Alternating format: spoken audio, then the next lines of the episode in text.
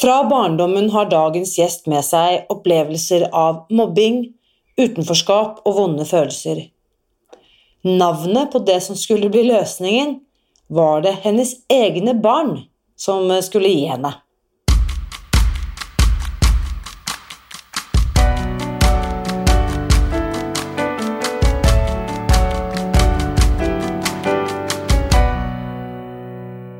Mitt navn er Irina Lie. Jeg er journalist og forlegger, gründer og sosialentreprenør. I 2015 spiste jeg meg fri fra overvekt og fedme etter å ha slitt med vekt, kropp og følelser i nesten 30 år. Etter at jeg fant oppskriften på å spise meg fri, ga jeg meg selv et nytt oppdrag. Å dele denne kunnskapen med alle som trenger det.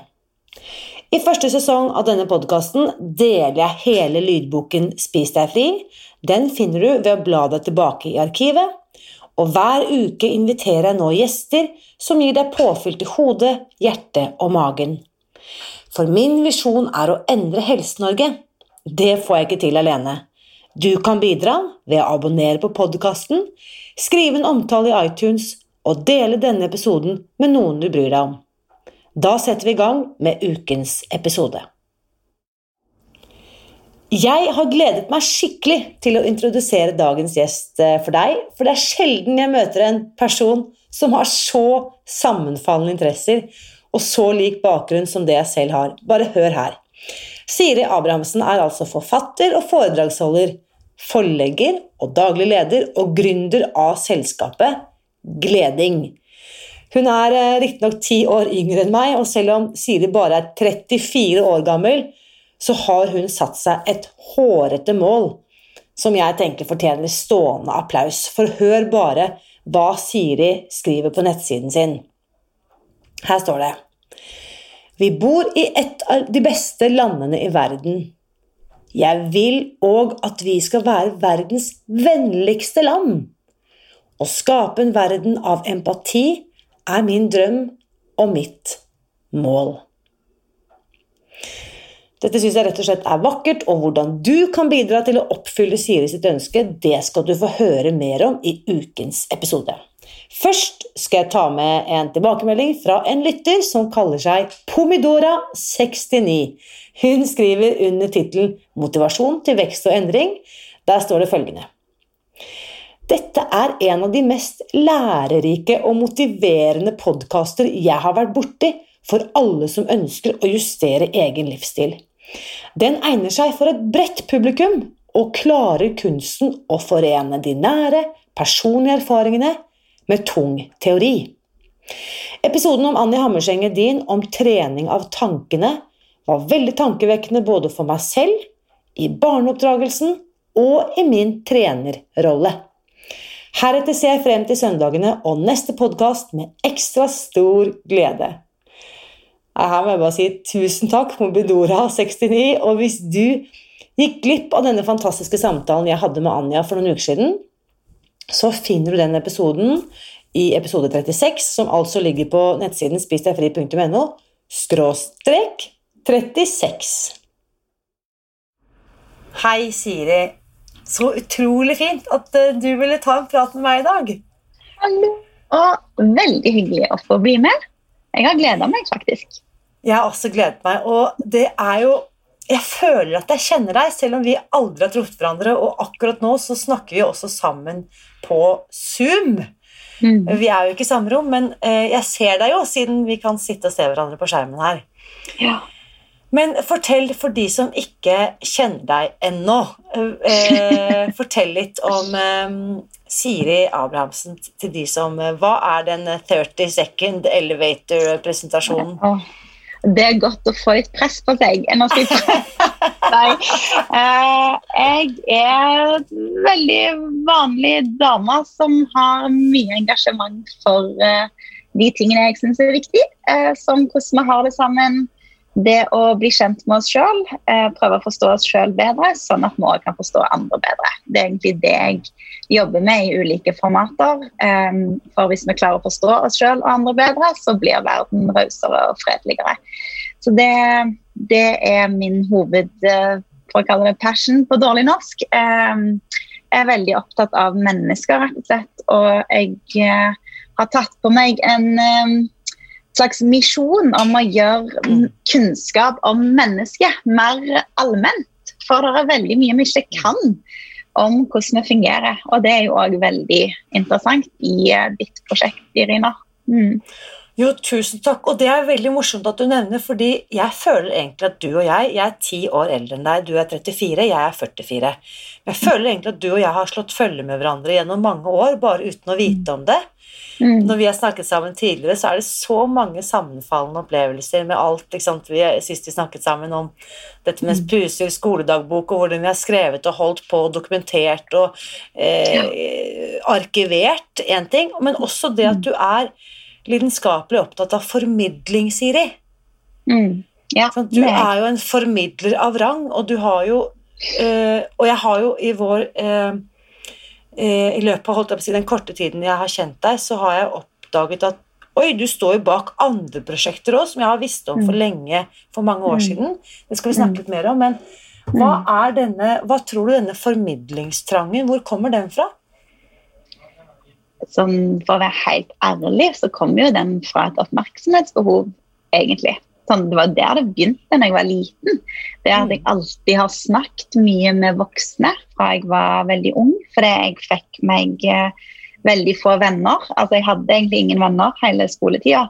Så jeg, eh, jeg så nok at jeg klarte å fange de voksne. da. At jeg var en god formidler i klasserommet. Og, og det ga meg jo en god følelse. Altså, Ofte så høres det ut som en sånn oppmerksomhetstrang, det høres ut som noe negativt, men jeg tenker det er jo det naturlige behovet for å bli sett. da. Mm. Og for meg så fikk jeg dekka det behovet gjennom formidling. Eh, fra så lenge jeg kan huske, egentlig. Um, og, så, og så er det òg det at formidling gir meg en følelse av å høre til. Det gir meg feedback fra andre mennesker. Eh, og det er jo mine egne behov, men først og fremst så handler det jo òg om at jeg ønsker å, bringe et budskap ut til verden som jeg tenker at folk trenger mer av. Eh, og som òg kan gi oss en følelse av at hm, ja, vi ser kanskje forskjellige ut, og, eh, og vi er opptatt av ulike ting på overflaten, men inni her så er vi veldig like. Eh, og det tror jeg binder oss sammen på en måte som vi virkelig trenger. da. Mm. Fordi det som øh, Hvis folk hadde sett bilde av deg, så hadde de kanskje også på en måte En ting er at de hører stemmen din, men hadde de sett deg, så ville de også Noen ville ha kjent deg igjen fra dette prosjektet ditt som du har kalt Gleding. Mm. Og du har en helt fantastisk Instagram-konto. For de som ikke følger deg, så må jeg bare si løp inn på Instagram og søk opp Gleding. Fortell Mm. om Gleding, Siri. Navnet Ja. sier jo sitt, men fortell om det prosjektet. Eh, ja, og gleding er jo hovedjobben min, så det er gleding, der finner du alt jeg gjør, egentlig.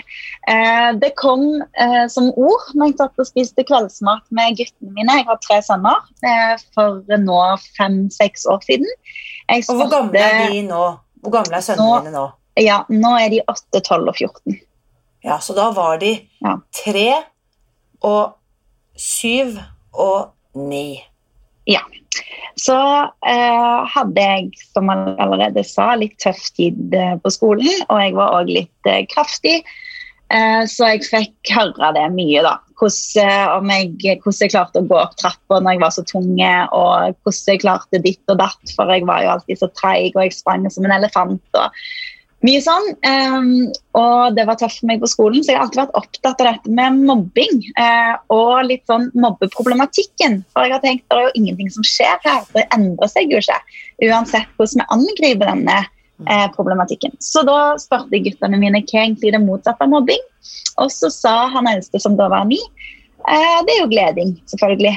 Så tenkte jeg wow, gleding, det var et gøy ord. Det er jo bare en form av verbet å glede. Men jeg tenkte, hvorfor har jeg bare hørt om antimobbing? Hvorfor har jeg aldri hørt om gleding? Og så tok jeg det domenet, og så i løpet av de to neste ukene så hadde jeg kontakta en illustratør, og så var jeg i gang med barneboken 'Gleding'. Eh, som nå har blitt eh, faktisk fire barnebøker har jeg gitt ut. Jeg har òg starta eget forlag. Og, og nå kommer snart boken 'Foreldre for livet'. Så Altså, her må Ja. vi bare stoppe en halv, fordi at det, dette er veldig spennende. Nå, igjen, dette ser jo ikke de som hører dette, men se nå for dere at jeg sitter og holder opp to bøker, og disse har vært i vårt bibliotek. Jeg har jo to barn, jeg òg, Mm? Eh, på, Ja. som er egentlig ganske jevnaldrende med dine gutter. Disse Mm. bøkene har vi hatt hjemme i vårt bibliotek holdt jeg på å si, Mm. i mange år, og jeg visste ikke eh, at det var du. Jeg visste Mm. ikke hele bakhistorien. Jeg har både Gleding, denne boken da, med historien om Lykke og Wilmer, og den boken som heter Feiling. Mm. Uh, og det er det veldig mange andre i bekjentskapskretsen min som også har. For når jeg finner noe jeg liker, så må jeg selvfølgelig fortelle alle andre om det. Ja. Uh, så jeg tenker, hvis du har barn i alderen 0 til 99 år, som du har kontakt med, så bør du kjøpe disse bøkene. Og selv, vil jeg si, hvis du selv er barn til noen Med andre ord, alle bør gå ut og få tak i disse bøkene, for det er rett og slett Det er Hva skal jeg kalle dette, da? Dette er livsfilosofi mellom to permer. Utrolig vakkert illustrert. Og det er noe vi rett og slett aldri kan få nok av. Bare sånne ting som disse, disse Lykke og Wilmer, de snakker om disse superheltene, og hva slags superkraft en superhelt kan ha. Og da er jo En av disse superkreftene man kan ha, det er faktisk gleding. Og det å kunne Mm. glede andre. Mm. Og den superkraften, Siri, det er jeg utrolig eh, glad for at du både har og deler med andre. Nå blir jeg litt rørt. Ja, for du, det, det, det er veldig rørende. du minner deg selv på mm. For det, jeg vil tippe at du også opplever at du ikke alltid er i liksom gledinghakket. At ikke du alltid klarer å glede kanskje deg selv eller andre, eller barna dine, eller Mm. Nei, og det er jo Og, og, og gleding-konseptet handler jo om, om eh, hele følelsesspekteret og det å være der for hverandre på godt og vondt. da. Eh, og, og det å glede andre, det handler lite om det å være glad hele veien, men det handler om å, å bygge verdi i menneskene rundt oss og ta hverandre på alvor. Um, og, og det skjer jo på mørke dager òg, det. Jeg har like, jeg har like god, god kontakt med alle følelsene mine nå, men det er klart jeg har jo undertrykt mange av de vanskelige lenge. Eh, og jeg leste alt om positiv psykologi, og jeg begynte jo med mentaltrening da jeg var tolv år. Så jeg har, jeg har masse trening da, i å styre tanker og, og eh, modustrening og visualisering. Alt dette her gjorde jeg fra jeg var veldig liten. Eh, og det å hele veien legge lokk på å tro at å fokusere i en annen retning enn det som føles, det er veldig feil. Og jeg blir veldig frustrert når folk sier at vi skal tenke positivt eller tenk på alt det du er takknemlig for. For når det er fint å gjøre. Altså, jeg er veldig opptatt av takknemlighet, og jeg har lagd en takknemlighetsdagbok òg.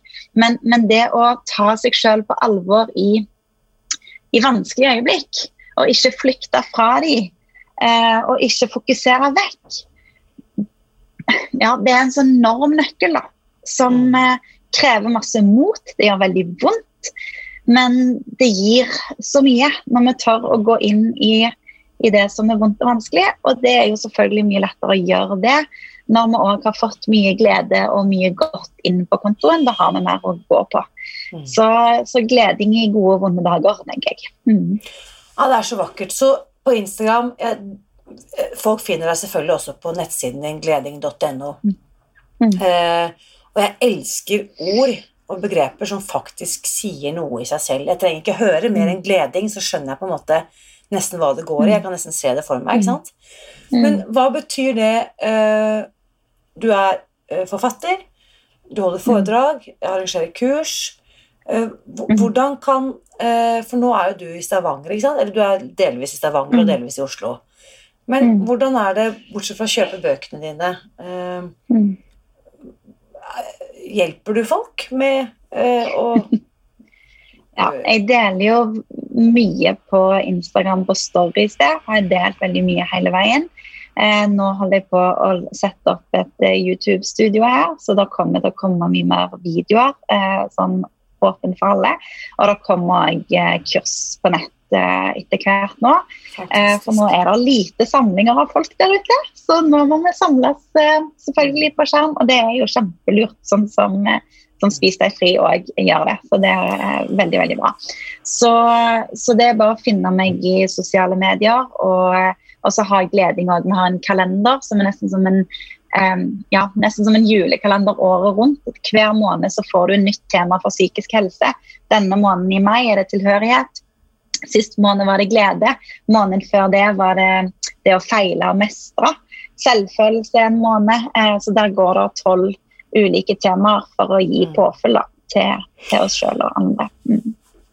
Men tilhørighet, f.eks. Et ord Jeg kan ikke huske at noen snakket med meg om tilhørighet da jeg vokste opp. Mm. Mm. Jeg tror ikke jeg visste hva ordet Jeg tror ikke jeg ville visst hva ordet betydde engang hvis jeg var tolv år og jeg hørte det. Um, men det jeg vet at jeg, Det jeg husker at jeg visste noe om, var den følelsen av å ikke høre til.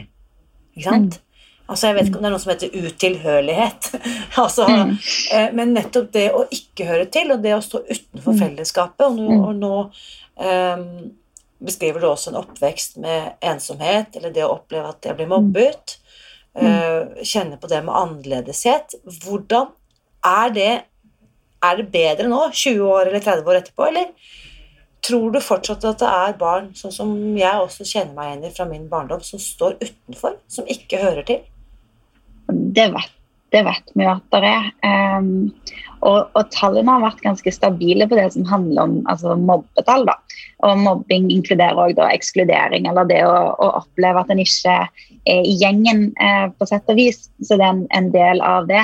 Eh, men eh, jeg tenker ensomhet vet vi jo at det er voksende. og fra en ung dataundersøkelse i fjor så viser jo det at ungdom, jo mer tid de bruker på sosiale medier, jo mer ensomme føler de seg.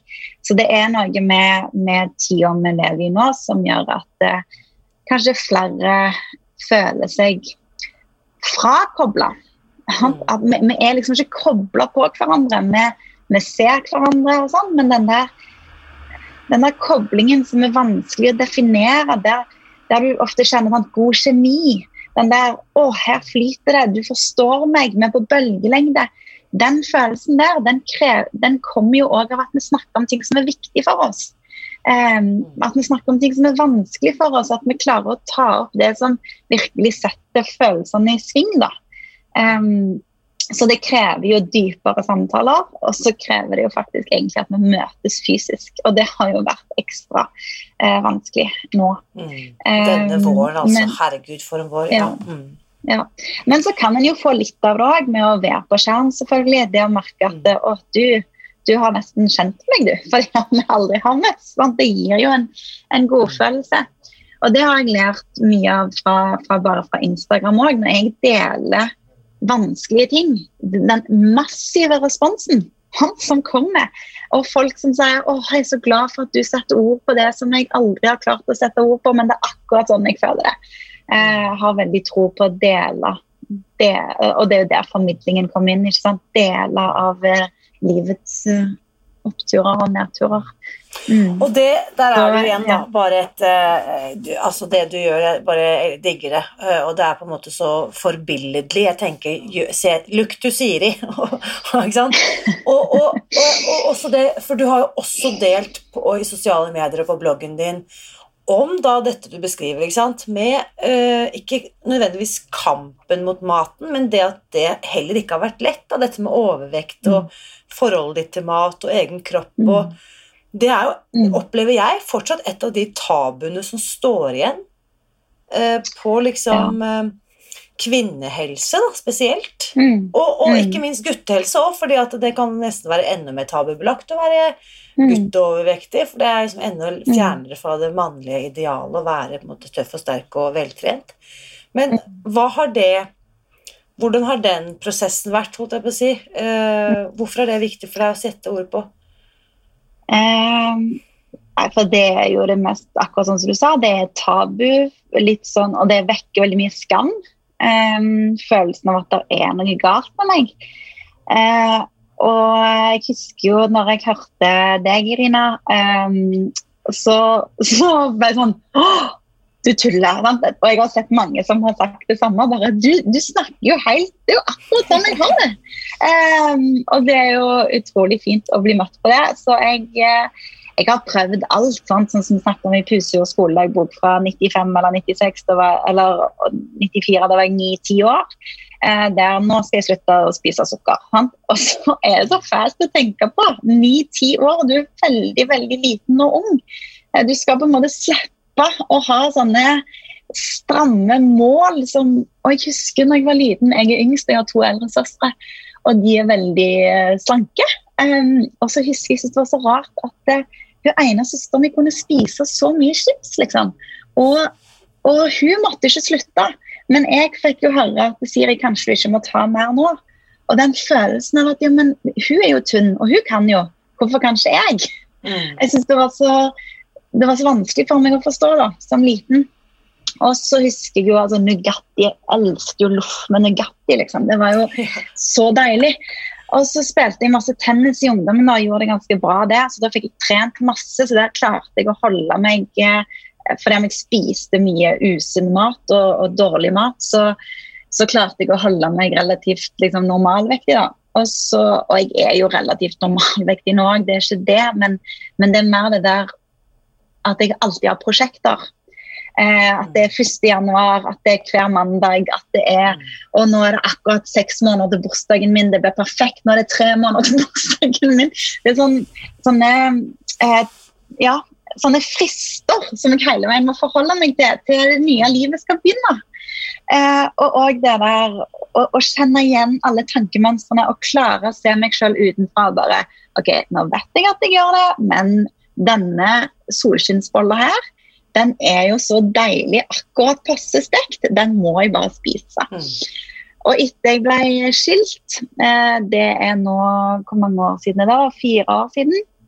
Jeg gifta meg da jeg var 18, eh, så jeg var gift i tolv år. Og da da har jeg liksom hatt en sånn, nesten som en skammekrok på kjøkkenet mitt der ingen mm. ser meg. Eh, det er liksom bak kjøleskapet sånn. Der når ungene, når jeg er sliten og ungene Det har vært en lang dag og liksom jeg har rydda kjøkkenet, så er det sånn Er det noe her som jeg kan trykke inn nå uten at noen ser meg? Mm. Um, og det Ja, det er forferdelig vondt, for det, jeg klarer på en måte det meste i livet. Jeg har nådd så mange mål. Men dette har vært som jeg sa til deg, litt som et sånn spøkelse. Og så uh, hørte jeg på hele lydboken eh, på vei når jeg kjørte fra, fra Sandnes til Oslo eh, rett før nyttår. Og så tenkte jeg bare nå OK, nå, nå, nå, kommer jeg faktisk til å klare det. Eh, så første nyttårsdag første nyttårsdag var sånn å, altså Så fin dato. Første i første 20. Liksom. Det er jo drømmedato for en ny, nytt liv. Og jeg gikk på langrenn til og med den dagen. Det var nydelig. Og jeg spiste så bra. Jeg hadde kjøpt denne vekta på høyfjellet der, og liksom alt var klart. Og så gikk det kjempebra. Helt til 12. mars. Mm. 12. mars. Mm. Ja. Så eh, Og det gikk Ja, jeg gikk ned masse, og, og, og, egentlig mye mer enn kiloene, så var det det der at akkurat som det heter, sånn, spis deg fri, så var det sånn Nå er jeg fri. Det er så deilig. Det er ingen, det er ingen sukker eller hvetemel som klarer å ta meg nå. Det er så digg, eh, den friheten. Og det med å ha tre måltider og liksom slippe å tenke på mat innimellom. Kan jeg ta to mandler, eller skulle jeg tatt en halv kjeks, eller nei. Det er liksom sånn, sånn, sånn. Spiser klokken 10, 14, 18. That's it. Uh, det var veldig deilig. Så nå, men nå må jeg ærlig innrømme at det har sklidd ut uh, i denne hjemmeskoleperioden. Og liksom mista all inntekt, nesten all inntekt, for alle foredragene ble avlyst. Alt ble liksom litt tøffere, så mm. da sklei jeg ut igjen. Og nå kjenner jeg at det er litt, sånn, det er litt sårt å snakke om, for det, nå er jeg i mm. perioden, liksom. Det er ikke noe sånn Men nå har jeg klart det. Jeg kan dessverre ikke si det. Eh, for nå jobber jeg med å komme tilbake til liksom å tenke at nå er det en ny drøm, drømmedag. Jeg har litt sånn OCD, så jeg trenger at alt skal være veldig ryddig. Så nå lurer jeg på hva blir den nye datoen for drømmelivet mitt. Det er så, vet du, jeg må bare si, Siri, det er så modig av deg, og jeg bare eh, Jeg blir berørt av å høre deg fortelle, for det, det er så gjenkjennelig. Og jeg tror på en måte at eh, ikke vet jeg den personen som har kunnet gå gjennom denne våren uten å kjenne på et så stort vell av følelser. Og jeg har vært der selv, eller jeg er der selv. Jeg, ikke sant? Hva var det jeg sa? En som spurte hvordan går det egentlig, så spør jeg tenker du med businessen, eller med meg personlig, eller med familien, eller Vi kan jo trygt slå fast at denne våren har vært volatil, som er et begrep jeg skjønner er eh, fra aksjemarkedet, hvor ting går ordentlig opp og ned. Og det har vært humøret mitt, det har vært liksom sinnsroen min, det har vært vekten min. Eh, søvnen altså i, de første ukene der, etter 12. mars Jeg tror jeg sov tolv timer i døgnet. Jeg var helt totalt mentalt slått ut. Mm. Ja. Og så gikk jeg over i en sånn type helt sånn eh, manisk fase hvor jeg bare måtte jobbe døgnet rundt og tenkte at nå må jeg bare stoppe og stoppe, stoppe, stoppe. Før jeg liksom klarte å finne en sånn slags eh, ny balanse i den nye hverdagen, da. Ja. Ja. Men jeg tror på en måte at denne våren har gitt oss så mange muligheter til å møte oss selv. da. Eller jeg har fått mulighet ja. til å møte meg selv på godt og vondt. Ja. Og vanene mine, og hva jeg tyr mm. til når livet blir tøft.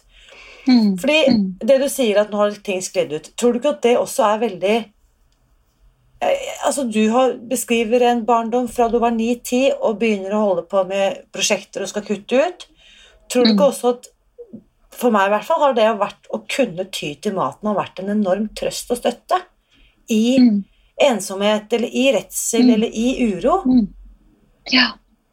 Og det, og det, er jo noe jeg òg faktisk har tatt litt inn i gleding-konseptet. For det er noe med å lære opp ungene til at når vi skal kose oss, så skal vi spise noe søtt. Eller at du bruker mat som belønning, da. Og det er Altså, jeg tenker mat Ja. Eh, lørdagsgodt det er jo egentlig ikke en belønning. Sant? Men jeg har òg, og det ser jeg òg, jeg har snakket med meg og mor om det hun har liksom der eh, Nå skal vi kose oss, eller nå eh, Kom, da, så finner vi noe godt å spise. Sant? Så den er jo programmert inn i meg. Um, og jeg må jobbe veldig med å, å komme vekk fra den uh, og distrahere meg sjøl og finne andre vaner. Men også er jeg òg litt skrudd sammen sånn personlighetsmessig, så er jeg veldig sånn Enten så går jeg all in, eller så er jeg all out. Det er ingen mellomting. Så altså sånn, det, det bare, og det er alt jeg gjør. Det er i jobben min. altså Enten så gjør jeg det 100 eller så det er ingen, der er ingen gråsoner. Jeg er litt sånn ekstrem, og jeg, akkurat det tror jeg ikke Det er en styrke og en svakhet. da. Um, så, så, når det gjelder mat, så har det bare blitt en sånn åh, Det er nok et prosjekt som jeg skal klare å mestre. Og, og jeg er liksom alene om å være entreprenør. Altså, jeg har jo ansatte, men jeg føler jeg har så mye ansvar. Og det blir liksom Jeg skal få til alt. Eh, og så, liksom, kan, så har jeg tenkt på Opera. For jeg lurer egentlig på om Opera har samme greia. For jeg tenker, hun, hun har jo vært opp hun har jo vært opp og ned med den vekta så lenge hun er på TV. Og så, og så tenker jeg til og med hun som kan få alle trenere i verden til å trene, og hun som kan få alle måltidene servert, til og med hun har slitt med dette. Så det, det gjør meg litt godt, egentlig. Ja, det er deg og meg og Opera, Siri. Ja, ja, Vi er rett og slett Jeg beklager å måtte break it to you, ja. men du og jeg er også bare mennesker. Ja. Eh, men eh, dette ble spilt inn helt i begynnelsen av mai, eh, og siden du spurte. Jeg er jo helt lik. Eh, jeg har også vært eh, eh, gift og skilt for øvrig, og selvfølgelig bryllupsdatoen var selvfølgelig en sånn spektakulær dato som bare mm. skjedde akkurat det året. Du vet, sånne tallgreier. Og så, når det kom til dette her Jeg startet 8. oktober 2015. Det, helt, det, var en helt ordinær hverdag, en helt ordinær torsdag i et helt ordinær måned. en helt ordinær, ja. ikke sant? Og det er noe av magien. Og i morgen, da, når du, eh, siden dette er torsdag i mai mm. I morgen er det mm. faktisk frigjøringsdagen, eh, Siri. 8. mai. Jeg, jeg bare sier det.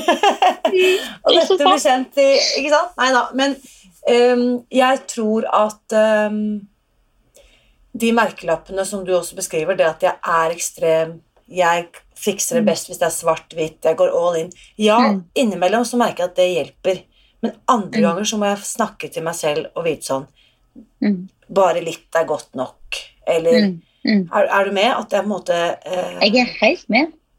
Fordi jeg, jeg tror Mhm. også, jeg har også holdt på med skrevet bøker om mentaltrening og studert og praktisert og holdt på. Mm. Og jeg opplever med mental trening som jeg innbiller meg må komme fra en veldig sånn maskulin dominert verden, at det kan bli Mm. veldig hardt, og det kan bli veldig sånn brutalt og veldig sånn enten-eller. Mm. Og det er masse effektive teknikker.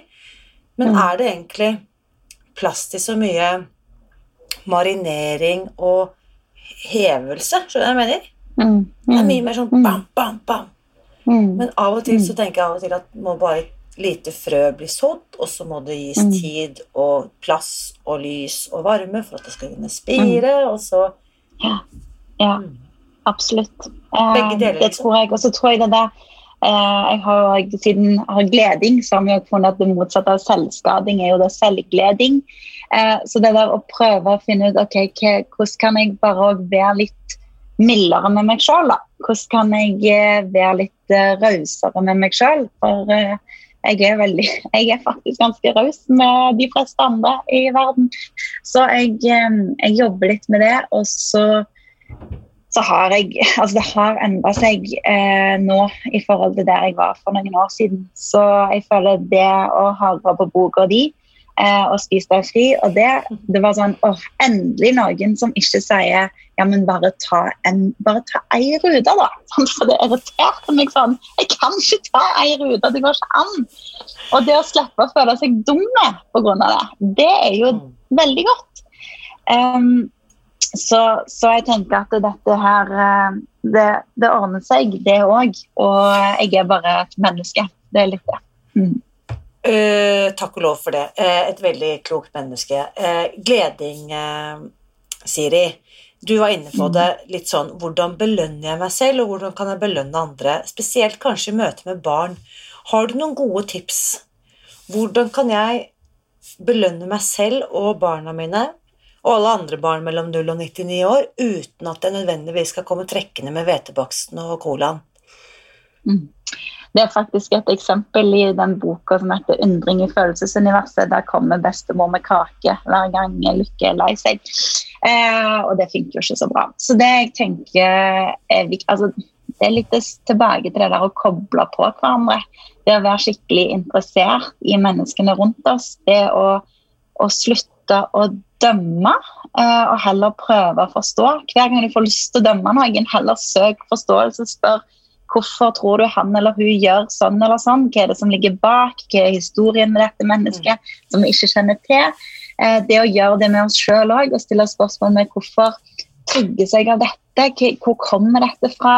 Eh, hvordan var dette da jeg var liten? Hvordan var, hva var det jeg ble belønna for hjemme? Hva ble jeg straffa for? Hva måtte jeg gjøre for å føle meg elska? Hva måtte jeg være for å føle meg elska? Det å være nysgjerrig på alle disse mønstrene det kan faktisk gi en belønning på et vis. Mm. For det, det øker aksepten. Eh, så jeg tror jo veldig på det med nysgjerrighet. Være nysgjerrig på oss sjøl og andre. Det er det masse belønning i. Utfordringen med nysgjerrighet er at den kommer kun når vi er trygge. Eh, så det å finne ut hvor er jeg trygg, hvem er jeg trygg sammen med, kan jeg oftere oppsøke de trygge plassene mine der jeg føler meg bra. For der jeg er, hvis jeg hele veien skal utfordre meg sjøl, sånn at jeg faktisk er litt redd, så er det mye vanskeligere å være nysgjerrig. Så dette er ganske sånn gøy kunnskap å ha. da, At, eh, at det motsatte av nysgjerrighet er frykt. Så hvis jeg vil være åpen for meg sjøl og andre, så må jeg søke trygge, trygge folk og trygge plasser. Fantastisk. Og trygghet tenker jeg er belønning. Ja. Jeg tror, altså Disse to tingene har jeg ikke hørt koblet sammen på den måten før. Dette var veldig, Nå fikk jeg masse assosiasjoner. Og så må jeg bare fortelle, jeg elsker jo sånn buda på ting som uh, når jeg ser altså sånn, Litt sånn som du sa, da. Eh, vanlig historie er sånn Ja, det opplevde jeg da, men nå er jeg kommet gjennom, så nå kan jeg se tilbake på den vanskelige tiden som en sånn suksesshistorie. ikke sant? Men jeg skal ta en eh, veldig kort historie, og det var jo når jeg for mange år siden valgte å slutte å drikke alkohol. Mm. Eh, og så hadde jeg vært alkoholfri en stund, og så var jeg jo eh, singel, og så skulle jeg på date. Og jeg, jeg travet rundt hjemme i stuen og foran og tilbake og mellom stuen og kjøkkenet og tenkte sånn Når på denne daten Og dette var en kaffedate, vi skulle liksom ikke på cocktailbar. uh, Når er det jeg skal fortelle vedkommende at jeg ikke drikker alkohol?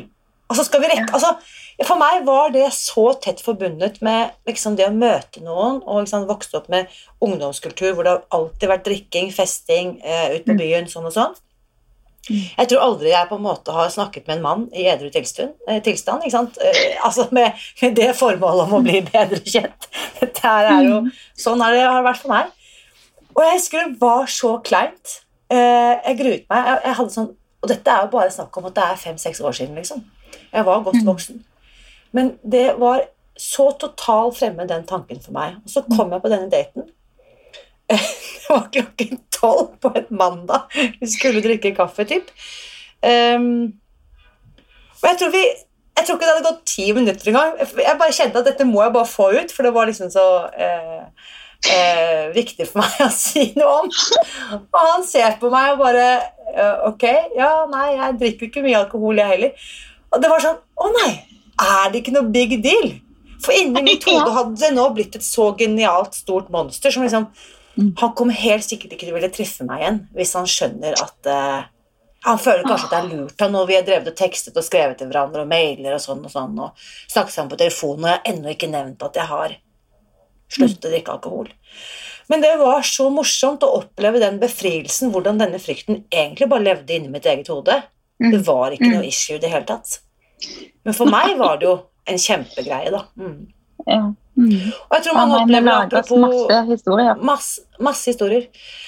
Mm. Men eh, Siri, for de som hører dette og tenker at eh, Ok, så det at jeg har hatt alle disse strategiene for å slippe å føle, det høres litt mm. skummelt ut hvis jeg nå skal åpne opp for både gleding og feiling og alt det som ligger imellom. Mm. Uh, har du noen gode tips hvordan komme i gang med å tørre å føle? Det føles som et stort ansvar å, å gi tips på det. Um, jeg tenker jo at uh, Hva skal jeg si Jeg tenker at det vil alltid ligge der. Det, det følger med oss helt til vi klarer å gå gjennom det det er først når du åpner opp den boden og begynner å rydde igjen, at, han, at den boden blir ryddig. Og det, det hørtes veldig kleint og banalt ut, men det samme gjelder jo i, i oss. Eh, jeg hadde et foredrag som heter 'Rydd plass til livet', der jeg snakket om denne ryggsekken som vi bærer med oss. da. Så det er noen lommer som du på en måte bare har låst og kasta nøkkelen til. Ok, Men de der råtne bananene der, de begynner å lukte vondt. Sant? På et eller annet tidspunkt så vil de ta deg igjen. Og følelser som vi ikke tør å føle på, de går ikke vekk. De bare, mm. de blir som en snøball. Så jeg tenker at ja, det er skummelt. Og ja, det er vondt. Altså, Jeg lurer på hvor mange timer jeg har grått, liksom. Det, det, er, det er, mye. Eh, men, men, det gir jo en frihet. For greia Når du slipper å tenke å, det er så mange ting jeg ikke tør å ta tak i, så blir det mye færre ting å være redd for. Sånn at en får jo et helt annet um, ja, en blir, Nå vet jeg at Anja var nettopp her. Jeg kjenner Anja godt, jeg liker veldig godt hun. Og hun har jo dette med fearless. Sant? Jeg tenker En blir ikke fryktløs før en tør å gå ordentlig inn i det vonde. Eh, så friheten på andre sida er så god. Det er litt sånn spis deg fri og, og, nesten sånn føl deg fri. da. Føl på det mm. vonde. Og, og gå gjerne ned i det og tenke at dette er òg en del av livet. Hvis en klarer å akseptere det som en slags livserfaring. Jeg har ei venninne nå, en veldig god venninne, kan jeg begynne å grine nå, men hun er et par og 40 år, og hun har kreft med spredning i hele Hun har to, to unger på 9 og 11 år. Hun aner ikke om hun får kommet i konfirmasjonen til sine barn. Mm. Eh, hun måtte gå nå denne våren, og det er ikke sikkert hun har neste vår jeg, jeg, tenker liksom, Livet er for kort. da. En aner aldri hva som skjer. Og Hvis en skal la seg bli begrensa fordi en holder igjen alt det vonde, så ja, da blir livet ditt så mye mindre. Eh, på en måte Det blir så mye frykt og så mye vondt mm. som en kan slippe. Så, det, så den må på en måte finne motivasjonen i seg sjøl. Og så er det selvfølgelig sånn at det er kjempefint om en har et menneske en kan dele det med. Mm. Og om en ikke har noen som er så nær, så finnes det jo masse profesjonelle folk der ute som, som er der for oss hvis vi ikke har noen som, som det føles naturlig å dele det med. Og, og, det er det jeg ikke liker med ordet selvutvikling. Det høres ut som noe du skal gjøre selv. Men selvutvikling skjer i møte med andre. Mm. Eh, og, og dette her er mye lettere å få til hvis en kan ha en venn eller en, noen i familien eller noen en kan snakke med om Mm. disse tingene, så, så blir det mye lettere. Og så vil jeg slå et slag tirade. Jo, men dette var veldig, veldig Ja. verdifullt å lytte til. Fordi det jeg også tenker, er at eh, i hvert fall jeg har også opplevd å være ensom i mitt eget liv, selv om jeg er omringet av mennesker på alle kanter. Og da å kunne finne disse rommene, om det så er et nettkurs i Amerika, eller finne Siri eh, på Instagram, eller finne Spis deg fri og de gruppene som finnes Det finnes interaktive forum hvor det er mennesker som føler og tenker og har det på samme måte som meg. Og der kan jeg faktisk oppleve å bli hørt og forstått. Selv om alle rundt meg sier 'Hvorfor er du så dust?' eller 'Hvorfor drikker du ikke?' eller 'Hvorfor spiser du ikke?' eller 'Hvorfor er du så annerledes?' eller 'Hvorfor er du så ekstrem?' Mm. For det er ikke sånn at vi, noen av oss uh, vi, Ingen av oss er like. Men jeg Mm. tenker det å kunne bli lyttet til og hørt og sett av folk som skjønner hvordan jeg har Mm. det, det er Og så må jeg bare si Ja, og så er det én ting til som jeg har lært helt egentlig den siste tiden. Og det er at jeg har alltid vært redd for å be om hjelp. Jeg har vært så redd for å være til bry, for jeg har alltid klart meg sjøl. Mm. Og så nå har jeg begynt å si det der For at andre skal kunne bry seg om meg, så må jeg faktisk tørre å være til bry. Altså For at folk skal skjønne at jeg trenger hjelp, så må jeg tørre å vise det. Det er ingen som klarer å lese hvordan jeg eller du har det. Eh, så det å da være den aktøren i eget liv og si ok, men jeg strekker ut den hånda. Av og til så kan det være du ikke blir møtt med en hånd tilbake. Du kommer til, kanskje til å bli avvist og skuffa, og det gjør kjempevondt. Men så kan du ha, kjempeflaks. Det kan være at det er akkurat den hånda du trenger, som tar imot deg. Og da var det jo verdt det, tenker jeg. Ja, det er så viktig. Tør å være til bry. Jeg trener på det sjøl òg, så jeg er bare én av alle oss. ja. Da er vi to. Um, Siri, tusen takk for denne praten. Jeg eh, tenker at du er en sånn eh, På tysk heter det tankstelle, på norsk heter det selvfølgelig bensinstasjon. Du er et sånn stoppested jeg kan komme og få påfyll.